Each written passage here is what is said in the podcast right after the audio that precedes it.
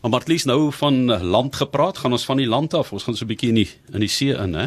Inderdaad, dit is 1 Augustus, die Marine Bewaar Area Dag en ons vind net meer uit oor hoekom dit so belangrik is om so 'n dag te hê en hoe dit hierdie jaar gevier word. Dit is die eerste Marine Bewaar Area Dag in Afrika en word vanjaar gereël hierso deur ons ons gesels ook in die voordele van hierdie gebiede en Renay Leoner wat met ons gesels. Sy is die kommunikasie woordvoerder van die Twee Oseane Aquarium. Dankie vir die gesels Renay. Ag baie dankie dat julle vir my vanmiddag um, op die program het. Kom ons gesels gefvinnig net oor die konsep van 'n marine bewaar area. Ek kan aan 'n hele paar dink wêreldwyd, maar gee net vir ons 'n idee van wat dit presies is. Hoe definieer mense dit? Dink aan 'n bewaararea, dan dink ons aan soos op die land, soos die Kruger um, park of so aan. Maar mense besef nie dat daar ook hierdie areas in die oseane is nie en rondom ons kus nie. In Suid-Afrika het ons 42 van hulle alreeds. Net 5% van ons kuslyn, maar daar is 42 van hulle wat alreeds ehm um, uh, tot stand gebring is. So kom ons praat oor die belang daarvan. Hoekom is hierdie areas dan nou belangrik vir ons marine en die wildlewe wat jy daar ervaar? Jong, dis eintlik 'n baie interessante konsep as jy daaraan dink dat op land het jy hierdie grense wat jy spesifiek kan instel met 'n uh, heining of so aan, maar in die see het jy dit nie. En ehm um, hierdie bewaarareas het so 'n ongelooflike impak op die areas rondom hulle want in hierdie gebiede binne in die oseaan waar die diere veilig is en hulle kan voortplant en hulle kan groot word, versprei hulle dan weer uit na die areas rondom. Uh en dit het natuurlik 'n groot impak ook op die uh mense wat uh, visserye daar bedryf, um binne die bewaarareas, jou toerisme, die onderwys wat daardeur kan geskied, um werkskepping medisinale goed. Allerhande sulke goeie so as jy daaraan dink, as jy een area het wat so goed na gekyk word dat dit 'n impak kan hê op die area rondom, dan is dit regtig waar 'n ryk 'n rykdom basies waarna ons moet omsien. So ja, ehm um, hierdie bewaarareas rondom ons kus is belangrik vir mense, kultuur, tradisies, ekonomiese ehm um, sake en alles wat daar rondom gaan. Renay, hoeveel MBA's het Suid-Afrika al is in in watter dele om ons kus lê dit? En natuurlik sluit dit dikwels die kusstrook in, hè? Ja, dit sluit wel die kusstrook in groot gedeeltes in. Ons het aan ons kus self 41, maar die Prins Edward Eilande val ook daaronder wat dit dan 42 maak. Maar hou in gedagte dat net 5% van ons kuslyn is die, die um, op hierdie stadium bewaar. So daar is 'n groot ehm um, area van groei. Kom ek sê vir jou die Tsitsikamma uh, bewaringsarea is in 1964 al ingestel. En as jy dink aan Tsitsikamma dan dink jy aan die woude, maar dit gaan ook in die see in.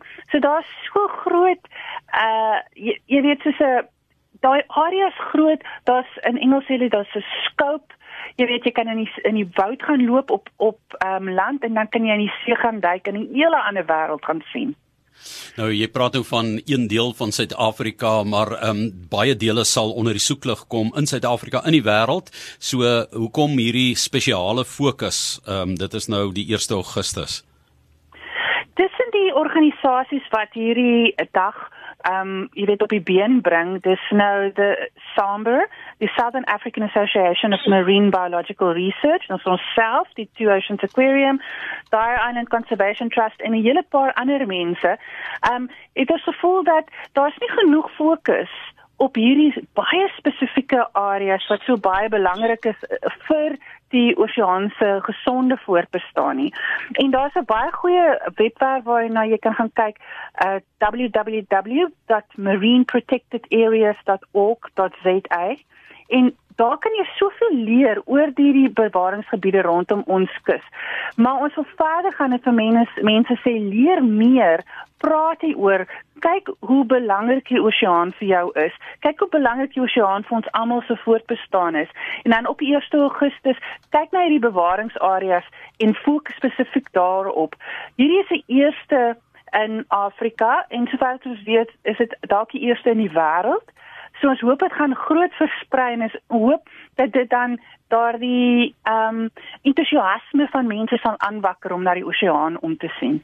Ja, ek dink um, uiteindelik wil 'n mens een groot bewaarja hê van al hierdie bewaarareas wat jy besig is om te ontwikkel, né? Dit klink na 'n wonderlike idee. Miskien kan ons dit iets anders te noem. Ek weet nie, iets met die Oceania ja, of so iets. Ja. maar Ja, dit is in die ou einde is dit net kan dit nooit net voordelig vir ons wees as ons na die oseaan omsien. Solank dit nie 'n sinkende skip is nie, né? Die idee nie. Mens moet dit Nee, uh, glad nie. Ons het te veel mense wat met entoesiasme en passie agter hierdie idee is en wat dit sal aandryf en uh, seker maak dat hierdie uh, skip rarig waar net die goeie dinge kan inbring vir die vir die oseaan. Renée Luner met wie ons gesels, die kommunikasiewoordvoerder van die Two Oceans Aquarium, die twee oseane hier naby ons, uh, waar ons vandaan uitsaai uit die Seepunt Ateljee tussen 1 en 3 in Ja, ons program 360. Maar ek wil jy daaraan geraak, maar ek wil net so begin afsluit deur te vra hoe kan mense hulle ondersteuning vir die dag wys? Baie maklik. Gaan na daai webwerf wat ek gesê het, marineprotectedareas.org.za. Daar's wonderlike ehm um, visuele uh goed op wat jy kan gaan kyk na video's, foto's. Ehm um, jy kan baie goed daardeur leer. Leer oor hierdie bewaarareas, praat oor hulle, praat met ander mense oor hulle, besoek hulle en respekteer dan die areas waarin jy is. Vir alles jy ehm um, jy weet gaan as 'n uh, om te gaan duik of so wees seker dat jy dit doen op 'n res, respek ehm um, gerespekteerde manier en ja geniet die oseaan want die oseaan is regtig waar so ongelooflik vir ons en ons moet dit uh, ons moet lief wees daarvoor sodat ons dan kan omsien. So sê die kommunikasiewoordvoerder van die twee oseane aquarium Renay Leoner.